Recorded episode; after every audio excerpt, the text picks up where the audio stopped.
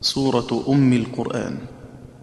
ومالك يوم الدين راوي ناصر وعند صراط والسراط لقنبلا بحيث أتى والصدى زايا أشمها لدى خلف وشمم لخلاد الأولا عليهم إليهم حمزة ولديهم جميعا بضم الهاء وقفا وموصلا وصل ضم ميم الجمع قبل محرك دراكا وقالون بتخييره جلا ومن قبل همز القطع صلها لورشهم وأسكنها الباقون بعد لتكملا ومن دون وصل ضمها قبل ساكن لكل وبعد الهاء كسر فتلعلا مع الكسر قبل الهاء أو الياء ساكنا وفي الوصل كسر الهاء بالضم شمللا كما بهم الأسباب ثم عليهم القتال